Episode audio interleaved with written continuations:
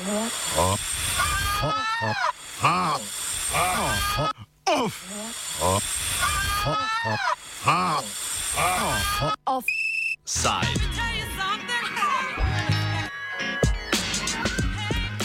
Nedeljo 27. novembra se bomo na referendumu odločali o uveljavitvi sprememb treh zakonov, med njimi tudi o spremembi zakona o dolgotrajni oskrbi. Zdaj na referendumski presoji je odločitev trenutne vlade, ki želi začetek uporabe zakona zamakniti do januarja 2024.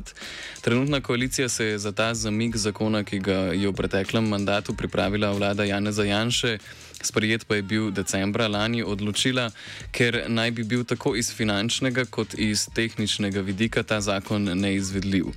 V trenutni koaliciji sicer obljubljajo, da bodo zakon do januarja 2024 popravili tako, da bodo zagotovili financiranje za njegovo izvajanje. SDS se je, odlo se je odločil na referendum postaviti to odločitev trenutne vlade za zamik uporabe zakona za eno leto in se bo glasovalo o tem, ali naj se uporaba zakona zamakne za leto ali ne. Eh, z našo novinarko Marijo, ki je z nami tukaj v studiu, bova govorila danes o vsebini zakona kaj ta zakon ureja, na kakšen način ureja in bova izpostavila tudi nekaj najpogostejših kritik zakona. Torej, če predlagatelji, to je stranka SDS, na referendumu uspejo, tega zamika ne bo.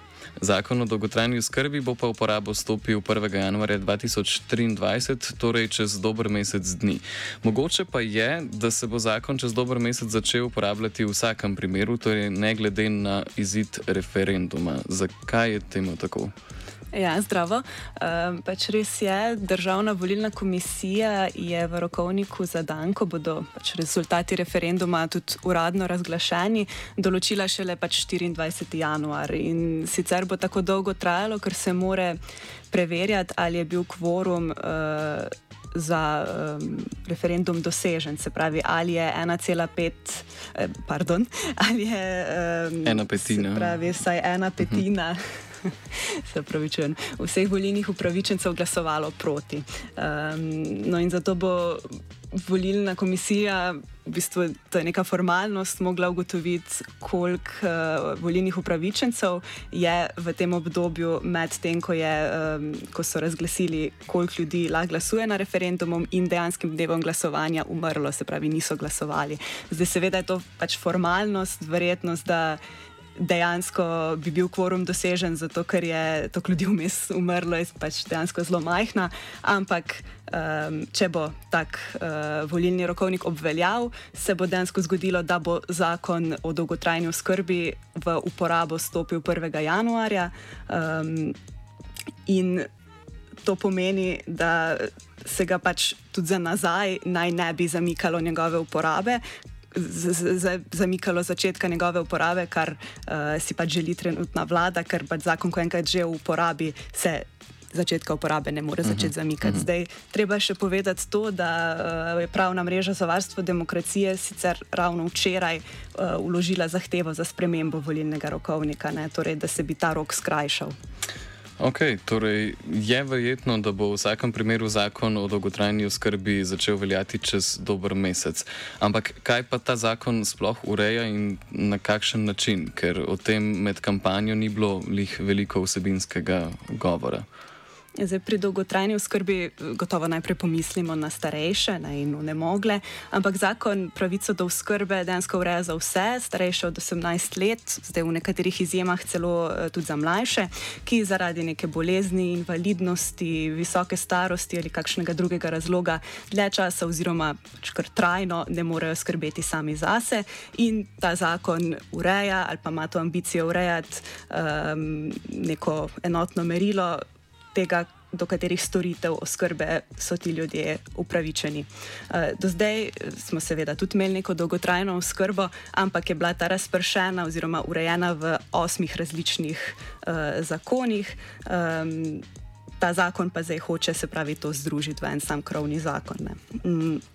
Zdaj v domovih za ostarele, v njih je danes približno 20 tisoč ljudi, je bila do zdaj iz obveznega zdravstvenega zavarovanja krita samo zdravstvena oskrba. Uh, v ta socialno-varstveni del, to so recimo so previjanje, obračanje v posteli, hranjenje in tako naprej, je bilo pa pač samo plačljivo. Uh, poleg tega tudi seveda nastanitev in prehrana. Uh, ta zakon pa zdaj določa, da bi tako zdravstveni kot socialno-varstveni del krila ena od oblik obveznega zavarovanja, um, uporabnik bi pa plačal namestitev in prehrano. In to je neka, rečemo, najnovejša oziroma najpomembnejša novost. Ok, in kakšen pa je potem v zakonu potem plan, oziroma kako se bo to financiralo? Uh -huh. um, se pravi, um, dolgotrajna oskrba kot si lahko mislimo, je dosti draga stvar. Um, cena izvajanja tega zakona, se pravi dolgotrajne oskrbe v letu 2023, naj bi bila po ocenah uh, nekaj manj kot 345 milijonov evrov, vsako leto bo pa dražja, tako, na, tako naj bi v letu 2025 stala že več kot 740 milijonov. Um, in kar glavni vir financiranja te na novo uvedenega sistema dolgotrajne oskrbe uh, naj bi predstavljal nov obvezni davek za dolgotrajno os, uh, oskrbo. Ampak zdaj pri tem zakonu je zelo pomembno povdariti, da zakon tega davka ne uvaja, ampak ga nekako samo obljublja ali pa napoveduje. Ker um, v zakonu je samo določilo, da bo ta. Um, nov davek za dolgotrajno oskrbo uveden z novim zakonom, ki pa naj bi bil sprejet do leta 2025. In zaenkrat o tem novem zakonu, ki bi uvajal še uh, pravi davek, obvezni davek za dolgotrajno oskrbo, ne vemo pra praktično nič. Ne. Uh, ni določeno ne osnova za izračun in prispevno stopnjo, niti pogoji zavarovanja ali pa način obračuna in način plačila, niti kdo bo zavezane za plačilo davke in tako naprej.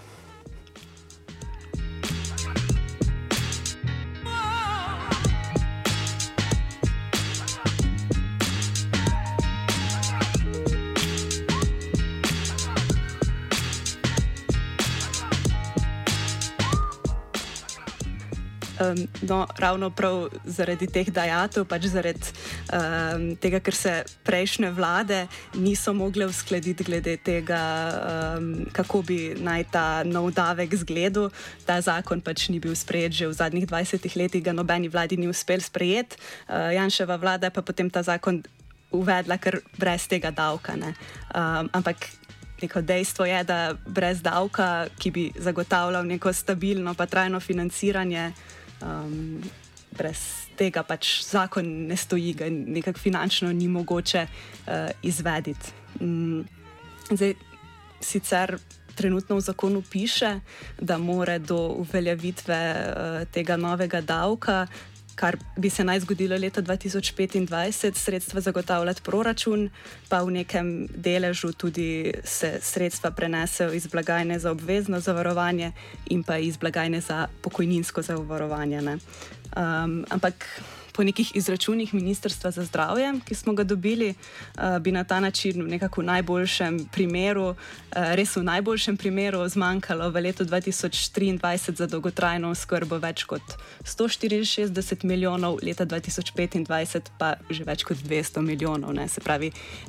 je nekako nemogoče dolgotrajno oskrbo v takem obsegu, kot si za ambicijo zadati ta zakon, izvesti brez tega davka. Recimo, Um, in neko dejstvo je, da samo če imaš z zakonom zagotovljen nek stalen vir sredstev, uh, se pravi, imaš nek namenski davek, ki gre samo za to, je pač tak sistem dolgotrajne uh, oskrbe vzdržen. Um, če imaš pa samo tako, kot je zdaj napisano, ne, da je preostanek sredstev zagotovljen iz proračuna, um, pa nikoli ne veš, v kakem obsegu bo to, niti ne veš, um, kdaj se bo to kršilo, mm. in tako naprej. Mm -hmm. Ja, ker gre za zelo obsežne spremembe na, na področju urejenosti dolgotrajne oskrbe. Kdo naj bi sploh izvajal dolgotrajno oskrbo v tem primeru? Ja, pri izvajanju tega zakona v bistvu neka osrednja vloga pripada Zavodu za zdravstveno zavarovanje. In o tem sem govorila s Tatjano Kolenc, eh, vodjo projekta uvajanja dolgotrajne oskrbe na Zavodu za eh, zdravstveno zavarovanje. Dejavnost na področju dolgotrajne oskrbe je popolnoma nova dejavnost za zavod in predstavlja nov stebr socialne varnosti. Zavod bo to dejavnost organiziral ločeno od dejavnosti na področju obveznega zdravstvenega zavarovanja. Konkretne naloge zavodu na področju dolgotrajne oskrbe pa opredeljuje zakon v drugem odstavku 84. člena.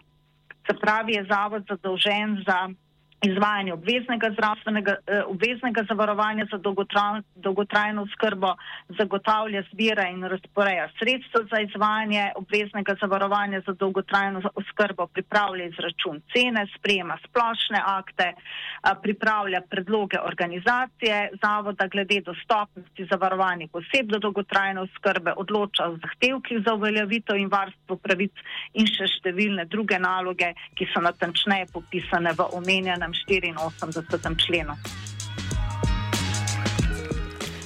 Zdaj zakon uh, uvaja pet kategorij upravičencev, se pravi, um, zato da se nekako lahko ugotovi, uh, ali si ti upravičen do dolgotrajne oskrbe in do katerih storitev dolgotrajne oskrbe si upravičen, uh, se pač oceni, kakšne so tvoje potrebe, potem čisto uh -huh. tako. Um, in uh, potem, ko se to oceni, se te razvrsti od eno od pet kategorij. Ne? Če si pač imaš manjše potrebe, je to prva kategorija. Če si pač praktično nepokreten, ampak ali pa imaš mhm. neko napredovano demenco, je to pač najintenzivnejša kategorija in dobiš tudi največ storitev.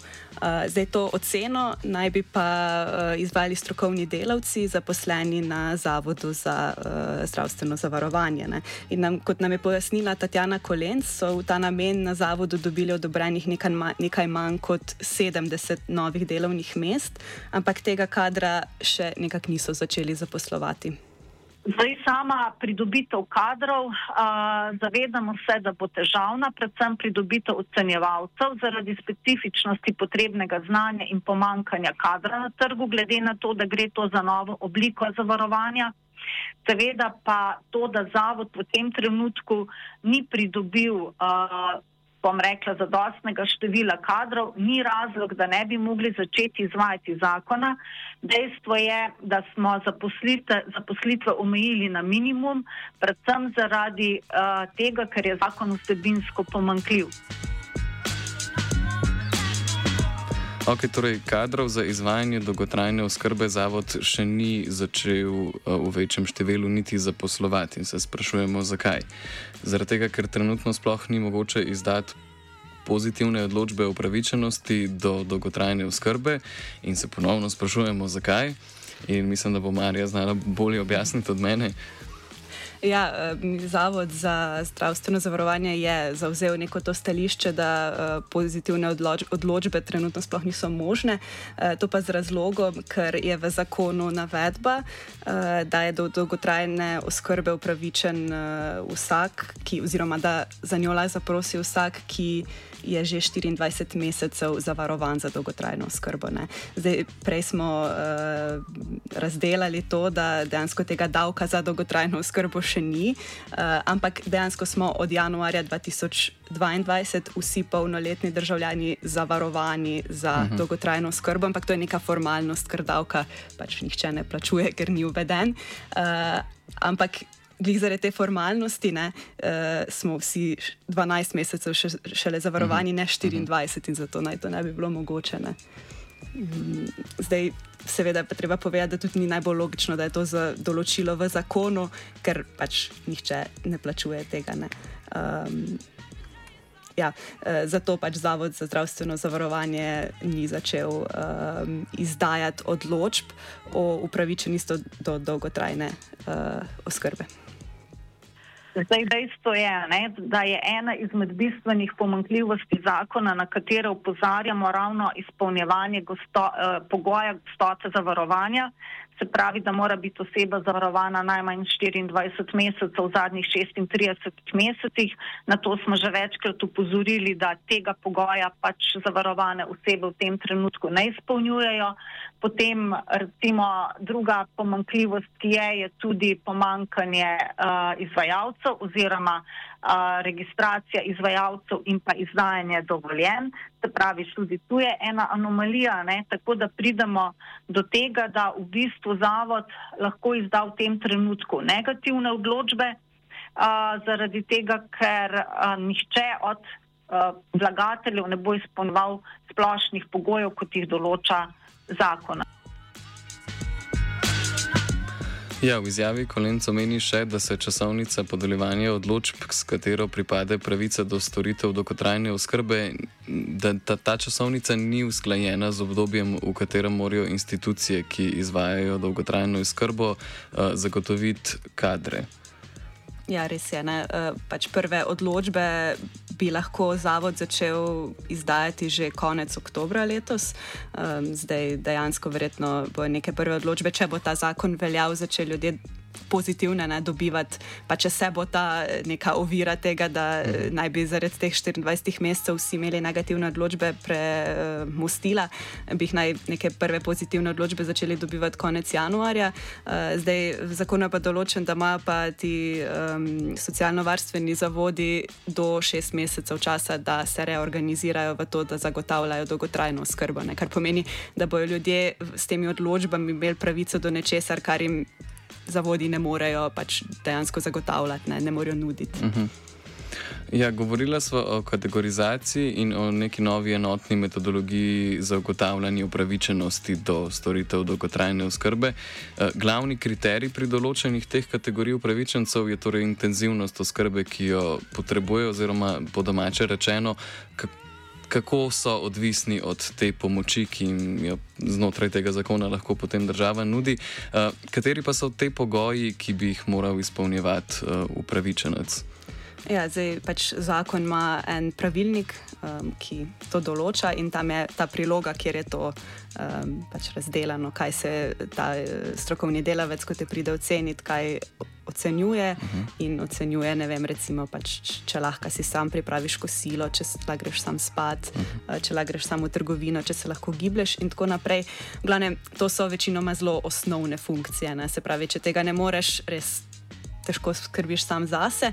Um, zdaj, težko je reči, ali se bo zdaj zaostrovalo to in kdo, kdo bo zdaj dobil to pravico in najkrat to vseeno odvisno od tega, kako se bo to ocenjevalo, od vsakega posameznega ocenjevalca. Ampak eh, glede na to kategorizacijo, ki jo pač uvaja ta nova metodologija, um, je skupnost socialnih zavodov izdala neko mnenje, da bo potem. Pravilniku, ne po tem kriteriju ocenjevanja, do 40 odstotkov dosedanjih upravičencev ostalo brez pravice do skrbe. Um, zdaj, problem je tudi ta, da je v zakonu zapisano, da to natančno lestvico do, določi minister ne, vsako leto, uh, kar pomeni, da se lahko ta kriterij. Ta prak upravičenosti prilagaja temu, koliko sredstev je na voljo ne, in ne odraža dejanskih potreb. Ne. Se pravi, če je manj sredstev, eh, pa zdaj vemo, da jih je zelo ja. malo, potem bo verjetno tudi teže dobiti. Um, poleg tega se, so mnenja tudi ta, da se krči obseg storitev. Ne? Se pravi, kot sem prej rekla, to so neka pomoč pri osnovnem funkcioniranju, uh, pri hranjenju in pitju. Recimo je zapisano v tem točkovniku, da se lahko v zavodu pomaga največ trikrat na dan. Uh mhm. -huh. Človek pa za normalno funkcioniranje še kaj drugega potrebuje, ne še kaj več. Ja, več kot trikrat. In torej pač ta zakon ni vse vključujoč, bo, bo potrebno za marsikatero zadevo doplačati, ki pa je, kot vidimo, skoraj da tam okrog minimuma. Ne? Ja, prav razumeli. Drži. Ja. In v bistvu vseh ostalih storitev, kar je več od tega, se pač zakon sploh ne uh mhm. -huh. eh, dotika. Ne. Eh, to so čist neregulirane cene, pa ostanejo glede na ta zakon. Uh, poleg tega je pa tudi. Uh, ni določenih nekih omejitev cen, standardne nastanitve pa prehrane v zavodih, se pravi eh, v nekih prejšnjih verzijah, ki so bile v javni razpravi, eh, je bilo v tem zakonu določeno, da je lahko cena eh, nastanitve v. Se pravi, domu za upokojence, recimo eh, največ 90 odstotkov mhm. najniže pokojnine za 40 let delovne dobe, zdaj v trenutno veljavnem zakonu ni nobene omejitve določene. Ne. Ja, ni pa, ni pa dolgotrajna oskrba v nekem specifičnem zavodu edina možna oblika uresničevanja pravice do dolgotrajne oskrbe. Um, potem zakon ostajajo še druge, za katere se lahko odločiš. Uh -huh. Uh, poleg tega, da pač ti greš v dom in tam skrbijo za tebe, so še pač neke tri opcije, ki, uh -huh. tri oblike, ki jih daje na voljo, načeloma ta zakon. Zakaj rečem načeloma? Zato, ker pač je odvisno od tega, kakšne kapacitete so, kako uh -huh. razpoložljivo je to. Uh, ena je ta, da opcija je ta, da se pravi, hodijo profesionalni oskrbovalci k tebi na dom ti pomagati. To je nek ukrep, s katerim se želi tudi nek ta cilj dezinstitucionalizacije uh, zasledovati, v smislu, da recimo uh, vem, šest starostnikov živi v nekem varovanem stanovanju in uh -huh. jih tam pač oskrbujejo. Um, potem Tretja opcija je oskrbovalec družinski član, se pravi, da uh, nekdo od tvojih družinskih članov uh, nekako se odloči biti v bistvu brez zaposlitve in zato prejema malo več kot minimalno plačo nadomestila, da skrbi uh mhm. -huh. za tebe. Uh, zdaj, četrta opcija, ki je pač dosti kontroverzna, tudi je pa to, da ti dobiš denarni prejemek. Se pravi, ti imaš neko pravico do storitev, ki ti pripadajo zaradi tvojega. Se pravi, zdravstvenega mhm. stanja, uh -huh. zato ker si odvisen, ampak odvisen pač za funkcioniranje uh, vsakdanje, vemo, ampak se ti to izplača v denarju, ne, mhm. vrednost, mhm. oziroma nek delček vrednosti te storitve. Um, zelo kontroverzna stvar je tudi ta, da. Ki je bila zelo kritizirana, je tudi ta, da um, zakon nekako predvideva alternativne oblike uresničevanja. Ne? Tako kot smo prej rekli, če se ti odločiš, recimo, um, pač. Um, da bi najrajši bil v domu, ampak uh -huh. v mhm. domu ni prostora, uh, lahko hodijo recimo k tebi na dom ti pomagati, še pa tudi te opcije ni, dobiš pa pač izplačen denar. Uh mhm. -huh.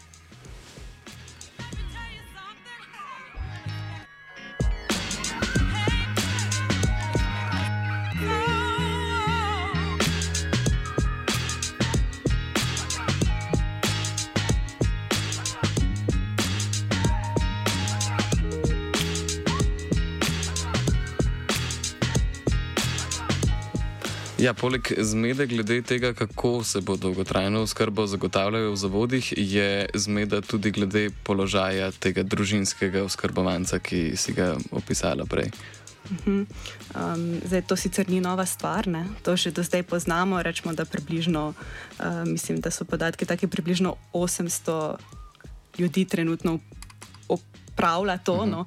uh, še po starih zakonih, se pravi, skrbi za polni čas uh, za svoje svojce. Uh, zdaj, kar ta zakon še vedno ne ureja, je to, da bi ti ljudje, tem ljudem bilo priznano nek zaposlitveni status. Uh mhm. -huh. Se pravi, da bi bila to kot služba. Da, da se bi... s tem primarno v bistvu ukvarjajo in da je to bolj tudi zakonsko urejeno. Ne? Tako je, ja, pa da ima pa recimo pravico do dopusta, pravico do uh mhm. -huh. bolniške in tako naprej. Uh, tega zdaj ni, v bistvu je sam nek, tako moraš biti 24-7 na voljo, uh -huh. 21 dni na leto pa. Uh mhm. -huh uh, imaš lahko dopust. Ja. to je to, ampak uh, v bistvu kar pa je novost, je pa to, da um, lahko tega družinskega oskrbovalca imajo samo tisti, ki spadajo v četrto pa peto kategorijo, se mhm. pravi neke najtežje oblike um, odvisnosti.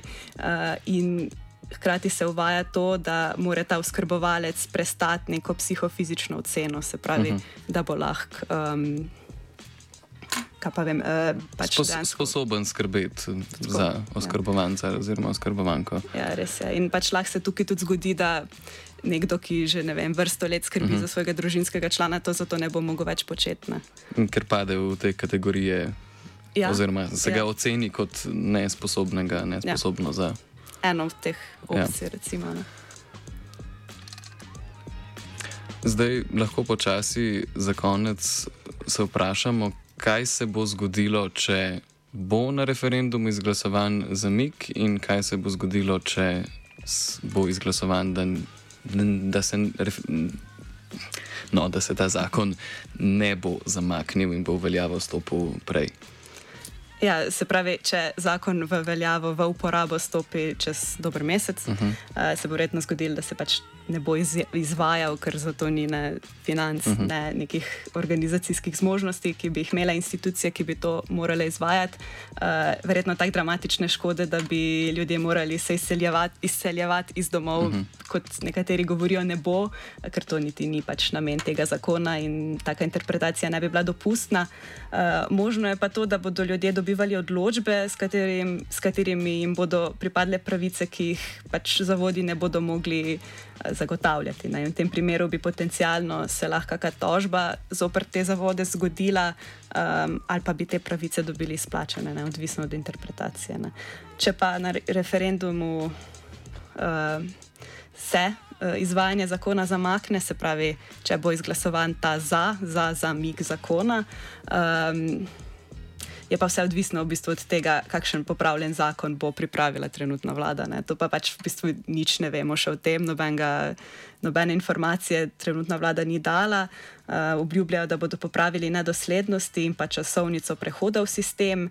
Uh, vprašanje je pa, v kakšni meri bodo uspeli upoštevati vse vsebinske pripombe raznih deležnikov, uh, kar so sicer obljubili. Uh, najtežje bo pa gotovo pač ravno uvesti obvezno zavarovanje za dolgotrajno skrbo. Ne.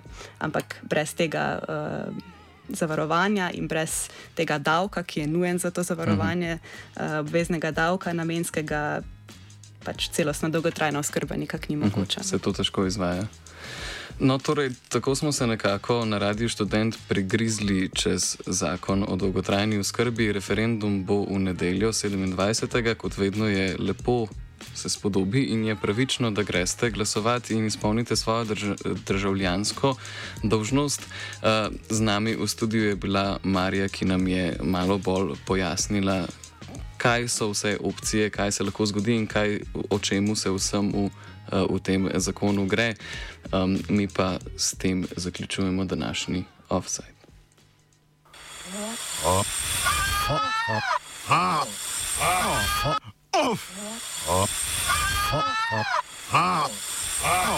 Offside.